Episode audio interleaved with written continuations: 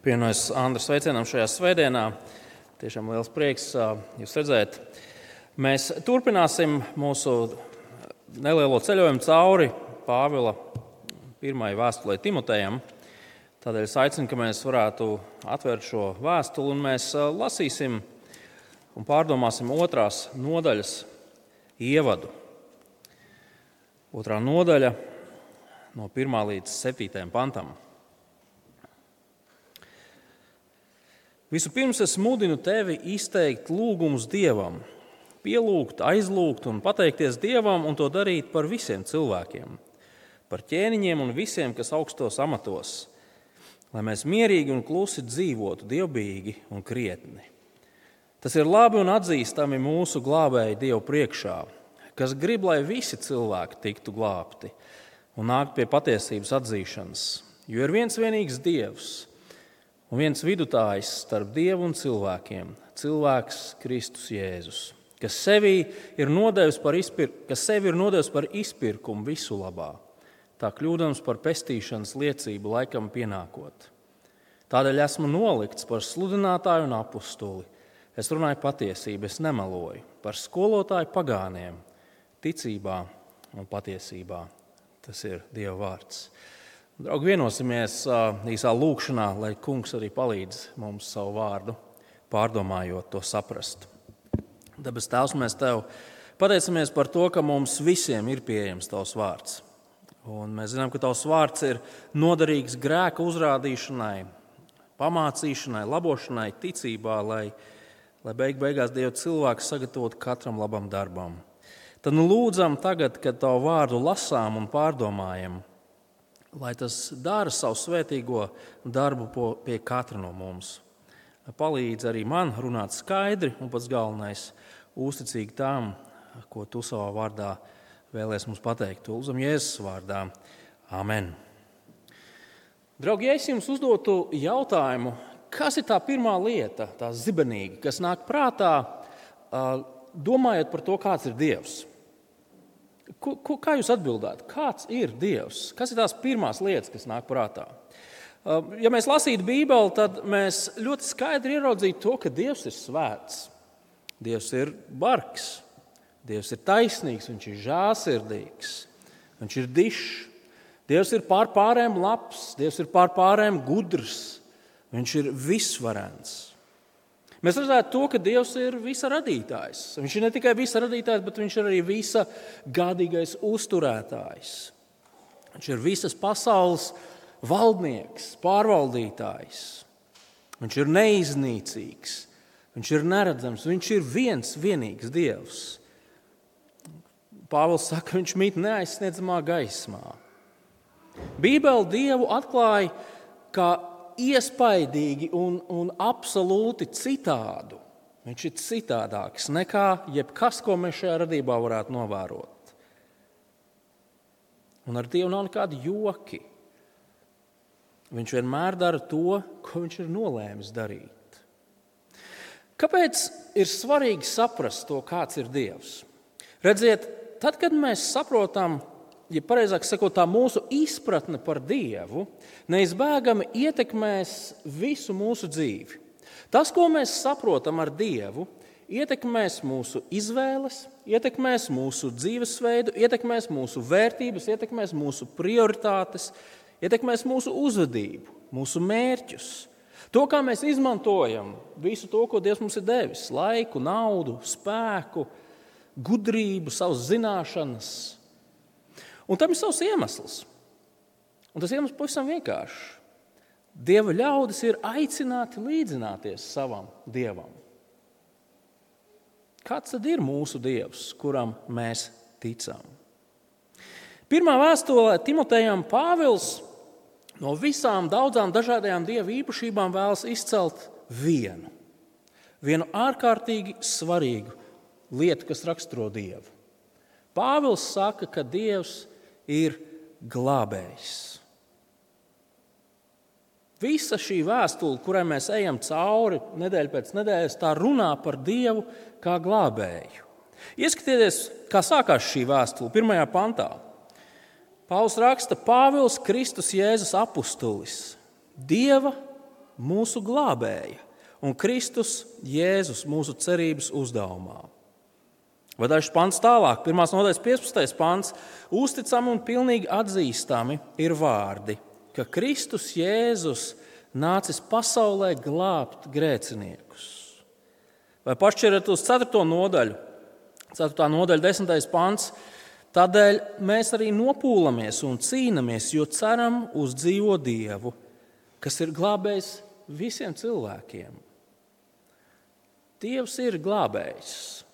Viņa nodoms šajā pasaulē ir glābt cilvēkus. Un šī pati patiesība izskan arī šīs dienas raksturvietā, un es pieņemu, ka jūs jau viņu pamanījāt. Ieskatieties vēlreiz trešajā pantā. Tas ir labi un atzīstami mūsu glābēja Dieva priekšā. Dievs ir glābējs. Tas ir tas, ko Pāvils vēlas, lai mēs, kristieši un arī mēs kā draugi, redzētu. Un Dievs kā glābējs, viņš vēlas glābt pasaules ļaudis. Un Pāvils vēlas, lai draudzē, kur ir aicināta sekot savam dievam, lai arī draudzē nostātos aiz šīs dieva vēlmes, aiz šīs lietas, kas raksturo dievu, aiz šī dieva nodoma glābt cilvēkus. Ja mēs pareizi saprotam šo raksturvietu, tad mums ir jābūt draudzēji, kura ilgojas redzēt to, ka cilvēki tiek glābti. Jo gal galā Pāvils saka, tas ir labi un atzīstami Dieva priekšā, Dieva glābēja priekšā. Un tas nozīmē, ka draudzes un ikviena kristieša skatienam vienmēr ir jābūt vērstam uz āru. Draudze, ja gribat, ir kā tāds glābšanas kuģis, kas naktas melnumā cauri, cauri viļņiem un vējam spīdina savu spožo prožektoru, meklējot cilvēkus, kas slīkst jūrā un valkot viņus iekšā. Mums vakardien bija iespēja aizbraukt uz Roņu salu, un vienu otru brīdi likās, ka mūsu pašus vajadzēs kādam glābt, bet tas, tas, tas nav tik svarīgi. Draudzēji ir jābūt kā tādai vietai, kurā tiek glābti cilvēki. Šīs dienas raksturvieta mums atklāja ārkārtīgi svarīgu uzdevumu. Un vienlaikus šīs dienas raksturvieta dod iemeslu, pamatojumu šim, šim svarīgajam uzdevumam. Un runājot par glābšanu, cilvēku glābšanu, Pāvils saka, lūdziet par visiem cilvēkiem. Ieskatieties vēlreiz, kā sākās šie panti.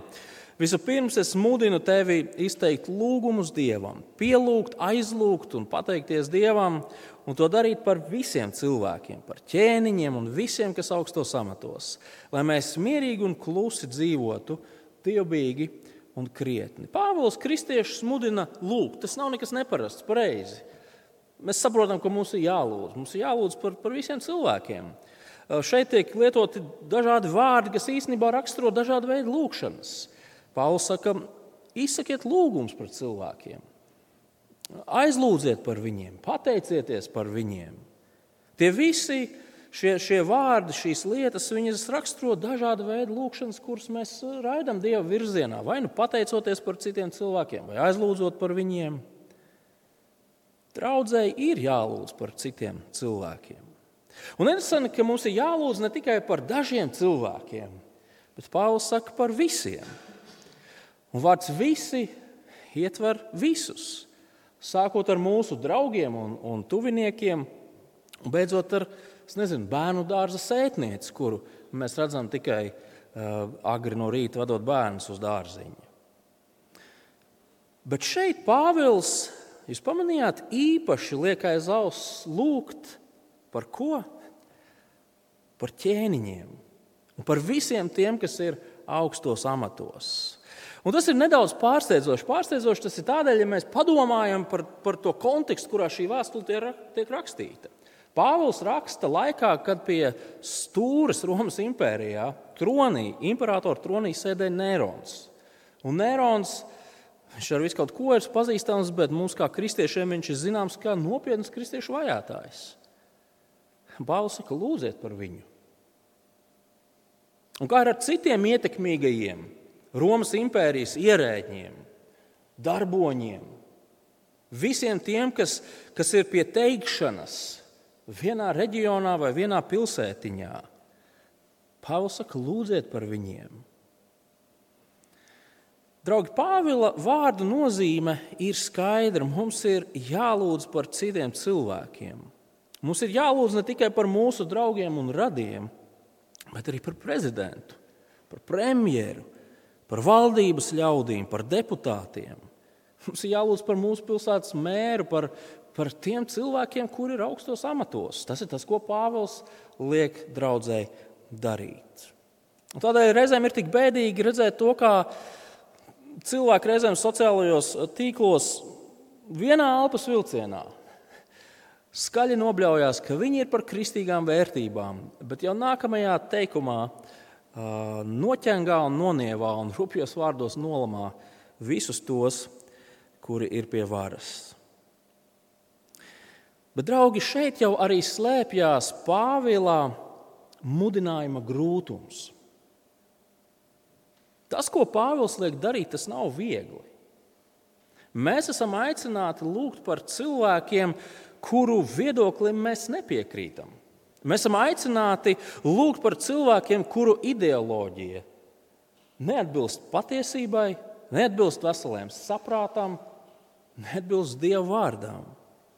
Mēs esam aicināti lūgt par cilvēkiem, kuri ir klāji nostājušies pret kristīgo ticību. Imperators Nērons, cilvēki augstos amatos. Mēs esam aicināti lūgt par tiem, gan par tiem, ar kuriem mums ir labas attiecības, gan par tiem, ar kuriem mums vispār nav nekādas attiecības, ar kuriem mums nesaskan, kuri mums ir uzēdušies, kuri mūs neliek mierā, kuri mūs kaitina, kuri mūs apceļ. Mēs esam aicināti lūgt par saviem nezinu, priekšniekiem, par saviem skolotājiem, par saviem pasniedzējiem, par saviem uh, lecīgajiem kaimiņiem. Pāvils draudzē saka, lūdziet par visiem cilvēkiem. Bet kāpēc? Ieskatieties, kā noslēdzās otrais pants. Lai mēs mierīgi un klusi dzīvotu, dievbijīgi un krietni. Un tas ir, izklausās loģiski. Pareizi, mēs, mēs lūdzam par visiem tiem, kuriem ir kāda teikšana. Mēs lūdzam par varu. Mēs savā draudzē regulāri lūkšanās pieminam mūsu valdību. Mēs to darām tādēļ, lai šie lēmumi, ko valdība pieņem, lai tie netraucētu mums praktizēt mūsu ticību, lai tie netraucētu mums izdzīvot savu kristīgo pārliecību. Lai mēs patiešām varētu turēties pie kristīgām vērtībām, pie laulības izpratnes, pie pie, pie izpratnes par cilvēku un daudzām citām lietām. Mēs lūdzam, lai, lai valdība uz mums raugoties, nedomātu, ka mēs esam kaut kādi dīvaini, lai viņi redzētu mūsu krietnumu, lai viņi redzētu to, ka kristieši īstenībā ir cilvēki, kuriem rūp valsts labklājība, līdzcilvēku labklājība. Taču Pāvils īstenībā šajos pantos iet vēl dziļāk. Un ir viena svarīga lieta, kura, diemžēl, šajā jaunajā tulkojumā ir pazudusi no tulkojuma. Bet grieķu valodā otrās nodaļas pirmais teikums sākas ar vārdu tadnu, jeb tā, tādēļ. Un tas nozīmē, ka tās lūkšanas, mudinājums lūgt ir saistīts ar to, kas ir bijis pirms tam, pirmajā nodaļā. Un pirmajā nodaļā, atcerieties, mēs lasījām to, kā Pāvils Timotejam pavēl cīnīties pret dažādām svešām mācībām. Pāvils Timotejam pavēl cīnīties par patiesības evaņģēlīju. Cīnies krietno cīņu. Timotejam ir jācīnās par to, lai draudzē tiktu mācīts vienkāršs, nesagrozīts evaņģēlijs, ko mēs vienā teikumā varam izteikt. Kristus Jēzus ir nācis pasaulē glābt grēciniekus. Un tādēļ rodas jautājums, kā tad īsti Pāvils to bija domājis? Šo no vienas puses evaņģēlīt, krietno cīņu, kā viņš bija domājis to savienot ar lūgšanām, kā tas viss iet kopā. Kādā veidā tas, ka mēs lūdzam par visiem cilvēkiem, iet kopā ar mūsu evaņģēlīju cīņu? Un redziet, ir svarīgi saprast, ka rūpes par mācības tīrību nekad nav mērķis pats par sevi. Mums ir jāuzmanās no tā, lai mēs nekļūtu par tādu, tādu elitāru kristiešu grupiņu, kas ir ierakusies tranšējā un atšaudās no visiem pārējiem. Tas nav tas, ko nozīmē rūpēties par mācības tīrību. Rūpēties par mācības tīrību nenozīmē teikt, ka mēs vienīgi esam pareizie. Neviens cits neko nesaprot, neviens cits neko nezina.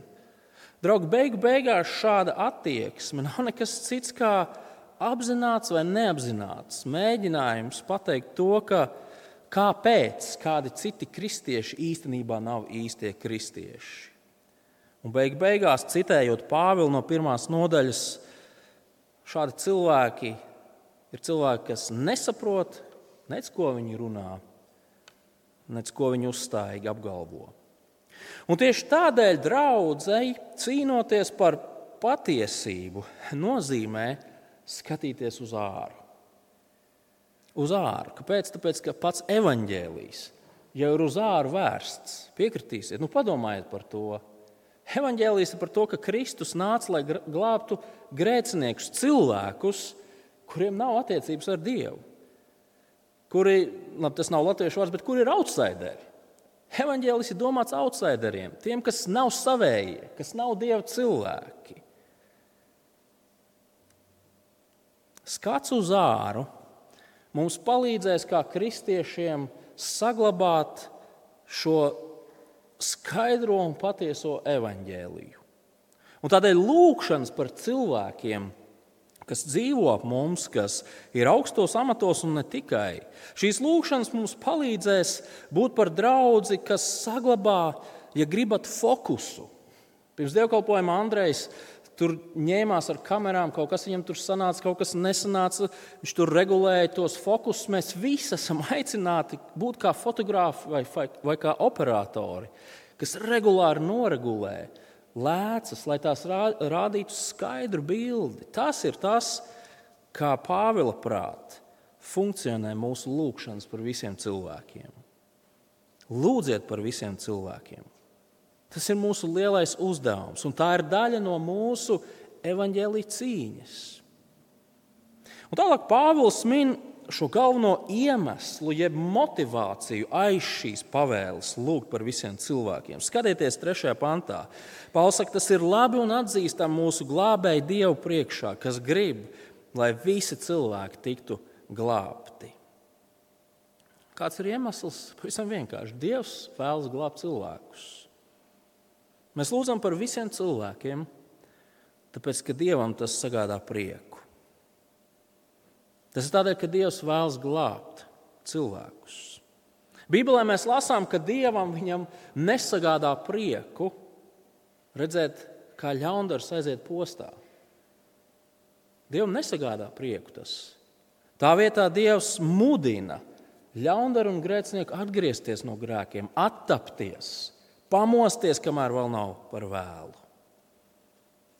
Bībeles dievs ir glābējs, grēcinieku glābējs. To dzirdot, protams, mums var rasties jautājums, labi, bet kā šo dieva vēlēšanos glābt visus cilvēkus, ko mēs redzam šajā pantā? Kā to savienot ar faktu, realitāti, ka ne jau visi cilvēki tiek izglābti? Dievs grib glābt visus, bet visi netiek izglābti. Ievarat, ka Pāvils nesaka šajos, šajā pantā, ka Dievs glābs visus cilvēkus. Pāvils to nesaka. Pāvils saka, ka Dievs grib, lai cilvēki tiktu izglābti. Visi cilvēki, lai tiktu izglābti.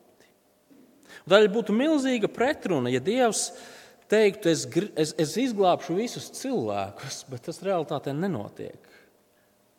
Kas tas par Dievu? Pareizi.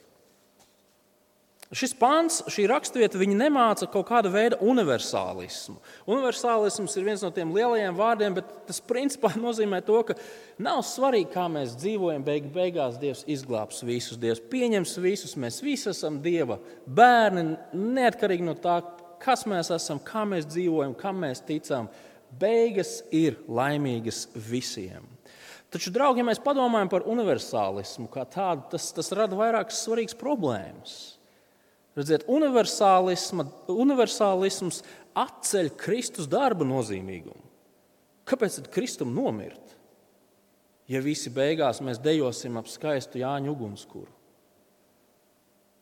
Ziniet, universālisms mazina cilvēku atbildību. Ne, visām, visām Bībeles pavēlēm un mudinājumiem dzīvot citādi nav nekādas jēgas, ja universālisms ir patiesība.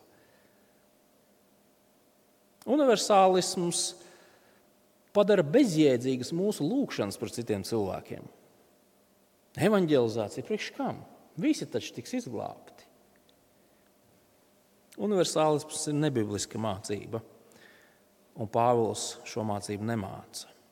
Un tādēļ, lai saprastu šo, šo teikumu, mums ir jāsaprot, nu, ko Pāvils ir domājis ar frāzi visi cilvēki. Kā mums saprast šo frāzi? Pirmkārt, mēs to varētu skaidrot burtiski. Visi cilvēki nozīmē visi cilvēki. Visi tie miljardi cilvēku, kas ir dzīvojuši, kas dzīvo un kas vēl dzīvos, visi, visi cilvēki ir ietverti šajā frāzē. Tas ir viens veids, kā mēs šo varētu skaidrot. Vēl viens veids, kā mēs varam skaidrot, ir, ka visi patiesībā nozīmē dažādi, dažādi veidi cilvēki. Proti, Dievs vēlas glābt dažne dažādas cilvēkus no visiem dzīves gājumiem, vīriešus, sievietes, jaunus, vecus, brīvus, nebrīvus un tā tālāk un tā joprojām. Manuprāt, Pāvils šajā gadījumā ar frāzi visi cilvēki saprot kaut ko ārkārtīgi konkrētu. Kaut ko tādu, ko pirmā gadsimta lasītājs, Pāvila pirmie lasītāji, draudzene Efezā, saprastu ļoti labi. Redziet, mums ar jums ir zināma laika un kultūras distance no pirmajiem lasītājiem. Tādēļ mēs nevienmēr uzreiz ieraugām to, cik aktuāli un svarīgi ir tie vārdi, ko Pāvils šeit pasaka. Redziet, Pāvils runā par to, ka Dievs grib glābt visas tautas. Lūk, kas slēpjas zem frāzes visi cilvēki. Es to tūlīt paskaidrošu. Redziet, pirmajā gadsimtā pastāvēja gadsimtiem ilgi uzturēts dalījums. Jūdi un visas pārējās tautas. Jūdi tika uzskatīti par dieva izredzēto īpašo tautu, kura bija noslēgusi ar dievu derību, kura bija saņēmusi likumus un norādījumus no dieva, kura bija saņēmusi grandiozus apsolījumus no dieva, kuriem dievs solīja spožu nākotni. Jūdu tautai bija kaut kas tāds, kas nevienai citai pasaules tautai nebija. Visi pārējie bija, kā Pāvils Vēstulē Efeziešiem 2. nodaļā saka, viņi bija šķirti no Kristus, un Izraēlas sabiedrība bija slēgta. Visas pārējās tautas bija svešinieki apsolījuma derībai. Visas pārējās tautas bija bez cerības un bez dieva šajā pasaulē. Un šis pants, es atvainojos, šis pats uzskats, viņš pastāv arī pirmajās draudzēs pirmā gadsimta kristiešu draugzēs. Un bija vajadzīgs laiks un skaidra mācīšana, lai parādītu, ka šāds dalījums ir nepareizs. Un, draugi, tas mums arī palīdz labāk saprast to, kāpēc pirmajā nodaļā Pāvils tik dedzīgi pavēlēja apklusināt svešas mācības un cīnīties par evaņģēlību. Redziet, šīs svešās mācības viņas izmantoja veco derību kā tādu atspērienu punktu.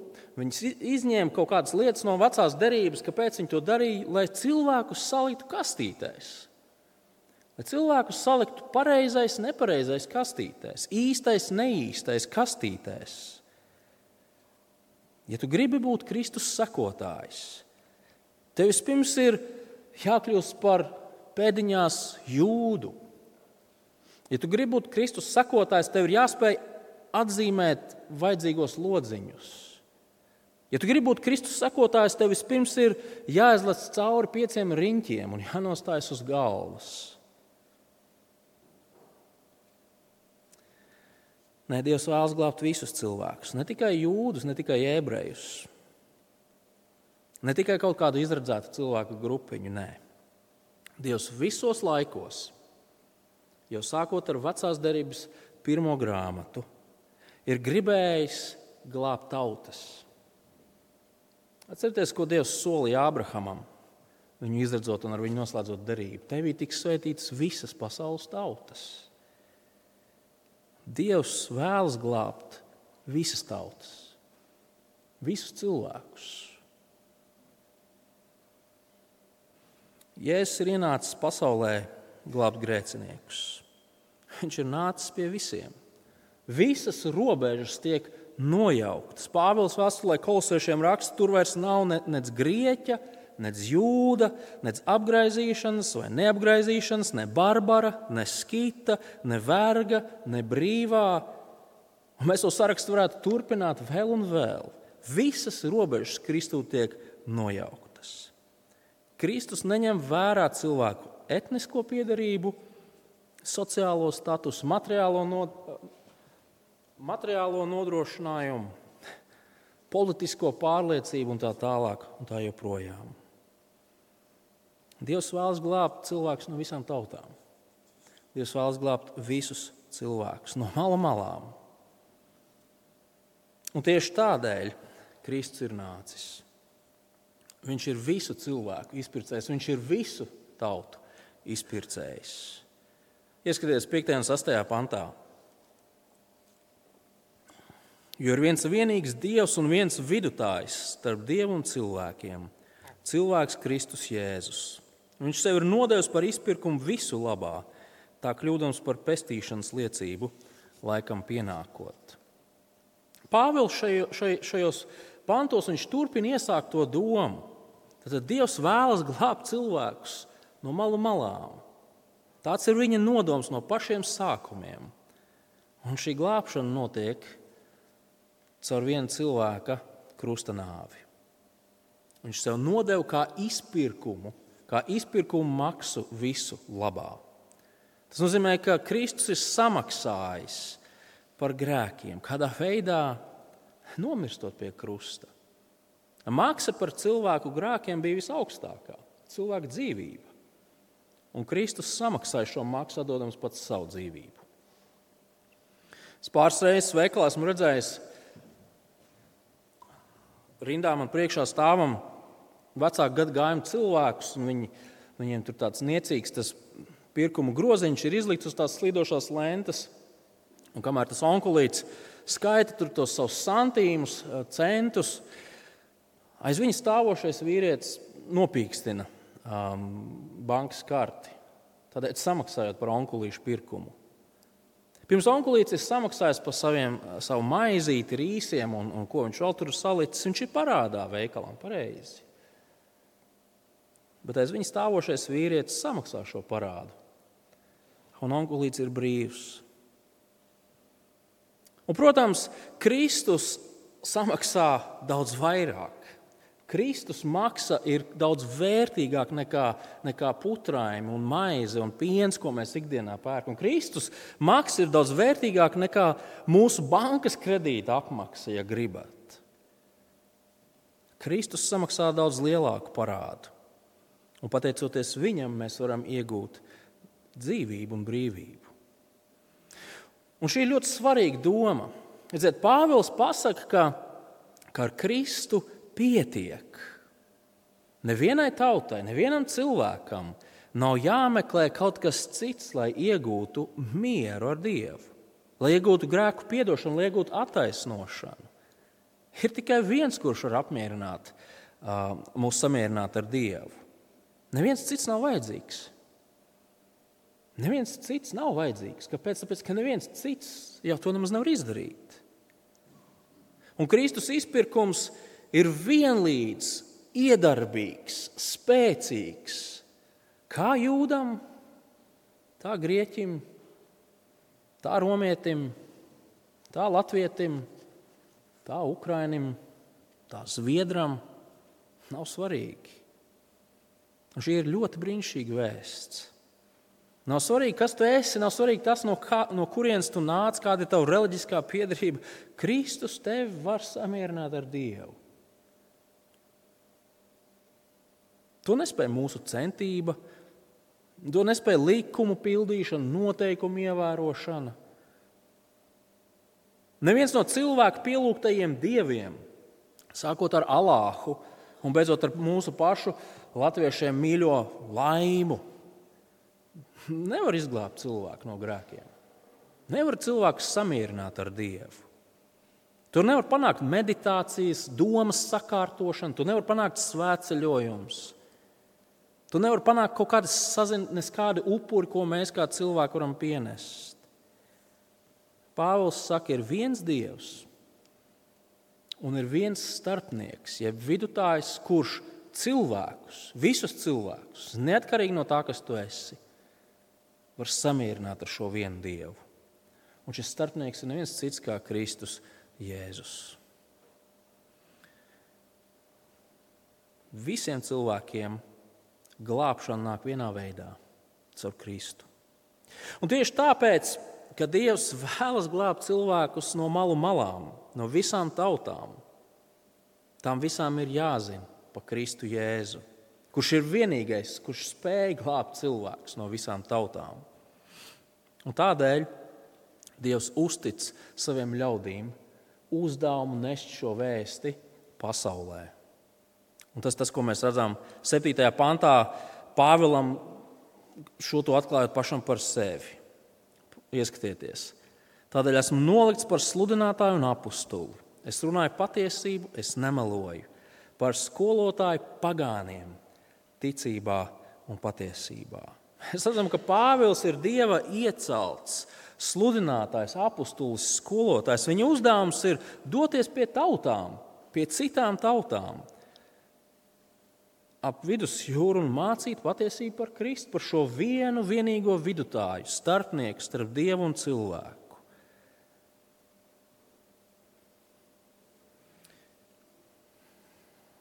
Un tā šeit mēs redzam Pāvila pavēles šo motivāciju, iemeslu. Dievs vēlas glābt visus cilvēkus no visām tautām. Kristus izpērkošais upuris ir vienīgais pieejamais vienīgais pietiekamais glābšanas ceļš.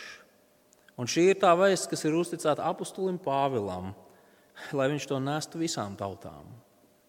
Dievs ir glābējs, kurš vēlas glābt cilvēkus.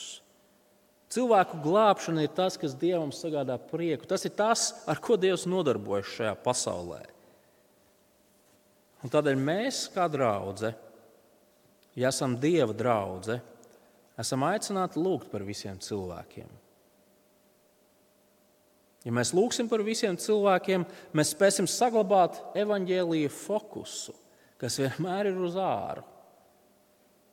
Tas būs veids, kā mēs varēsim turpināt cīnīties, kriet no evaņģēlīja cīņu, cīņu par patiesību. Tad, nu, brāļi un māsas, mēs esam aicināti nodoties lūgšanām. Tik vienkārši. Mēs esam aicināti lūgt par cilvēkiem, lūgt par visiem cilvēkiem. Dievam patīk šāda veida lūgšanas. Viņam patīk tas, ka mēs lūdzam par cilvēkiem, par to, lai viņi var sadzirdēt Kristus evaņģēliju un lai viņi varētu tikt izglābti. Dievam patīk šie, šādas lūgšanas. Kāpēc? Tāpēc, ka tas saskan ar paša Dieva sirdi. Dievs grib glābt cilvēkus. Viņam patīk to darīt. Jaunieši, jūs tur, kas aizmugurē sēžat, um, jūs esat aicināti lūgt par saviem klases biedriem, par saviem skolotājiem, par visiem, par tiem, kas jums patīk, par tiem, kas jums nepatīk. Kāpēc? Tāpēc, ka Dievs ir grēcinieku glābējs. Draugi, mēs esam aicināti lūgt par saviem neticīgajiem draugiem un radiem. Kāpēc? Tāpēc, ka Dievs ir grēcinieku glābējs. Mēs esam, mēs esam aicināti lūgt par saviem darba kolēģiem, par saviem priekšniekiem. Kāpēc? Tāpēc, ka Dievs ir grēcinieku glābējs. Un jā, mēs esam aicināti lūgt par savu prezidentu, par savu premjeru, par savu valdību, par saviem deputātiem, par saviem ietekmīgajiem cilvēkiem mūsu valstī. Kāpēc? Tāpēc, ka Dievs ir grēcinieku glābējs. Un es zinu, ka viens otrs šeit, šajā zālē sādošais, var apliecināt to, ka Jūsu nākšanā pie ticības, ļoti svarīgu lomu spēlēja, vai tā būtu vecmāmiņa, vai mamma, vai vēl kāds radinieks vai draugs, kurš ir lūdzis par jūsu glābšanu. Viens otrs šeit ir atbildēta lūkšana, pareizi. Pirms vairākiem gadiem mums ar ģimeni viesojoties Amerikā, mēs bijām vienā svētdienā, vienā reformā draudzē, pēc dievkalpojuma pie mums pienāca tāds vecāks pāris, vīrs ar sievu. Un, un viņi mums teica, Klau, draugi, jūs esat atbildi uz mūsu lūgšanām. Un mēs tā, nu, labi, nu kā, kā, kā tā, ko, ko jūs ar to domājat? Un viņi teica, 80. gados mēs kā draugi apņēmāmies lūgt par Baltijas valstīm. Mēs apņēmāmies lūgt par to, lai šīm valstīm, šīm trijām valstīm, kas atrodas aiz dzelzceļa priekškara, pavārtos iespēju dzirdēt evaņģēliju. 80. gados mēs sākām lūgt, lai šajās trijās Baltijas valstīs rastos draugas, kurās sludina evaņģēliju. Lai arī latvieši, lietuvieši, igauni varētu tikt izglābti. Un tagad, daudzus gadus, gadu desmitus vēlāk, viņi pirmo reizi ierauga dzīvus latviešus, kas tic kungam. Viņi nemirkli nepārstāja ticēt tam, ka Dievs ir Dievs, kas glābi grēciniekus. Un Dievs atbild uz lūgšanām pēc cilvēka glābšanas. Un tādēļ, draugi, apņemsimies lūgt par cilvēkiem. Un tikai apņemsimies, bet to arī darīsim. Patiešām lūgsim, atvainojos par, par visiem cilvēkiem, kas ir mums apkārt. Dievs, kuram ticam, ir glābējs. Viņš ir glābējs, visu tautu glābējs. Viņš ir glābis mūsu, un viņš vēlas glābt daudzus citus. Mēs varam būt pārliecināti par šo dievu īpašību un sekot viņam, lūdzot par cilvēkiem, lai evaņģēlīja vēsts dāvā glābšanu daudziem, jo daudziem. Lūksim! Labais dabas tās mēs tev pateicamies patiesi, ka tu esi Dievs, kurš dāvā glābšanu. Tu esi varants, iespaidīgs Dievs, tu esi, tu esi grandios, tu esi tik pārāks, bet vienlaikus tu sevi atklāsi arī kā glābēju. Tēvs, bez tā mēs visi būtu zuduši, bet tu parādīji žēlastību, un par to mēs esam priecīgi un pateicīgi. Un tādēļ, domājot par šo pavēlu, mēs lūdzam, Kungs, ka mēs būtu kristieši, kas atdarina mūsu kungu, kungu, kurš vēlas glābt cilvēkus. Palīdz mums vienmēr skatīties uz āru, lūgt par cilvēkiem, kas ir mums apkārt, lūgt par cilvēkiem, kas, kas, kas um, ir augstos amatos, kā Pāvils liek, un cerēt, kungs, ka tu savā žēlastībā dāvāsi glābšanu, jo tās ir tās lietas, kuras tu šajā pasaulē dari. To mēs lūdzam Jēzus vārdā. Amen.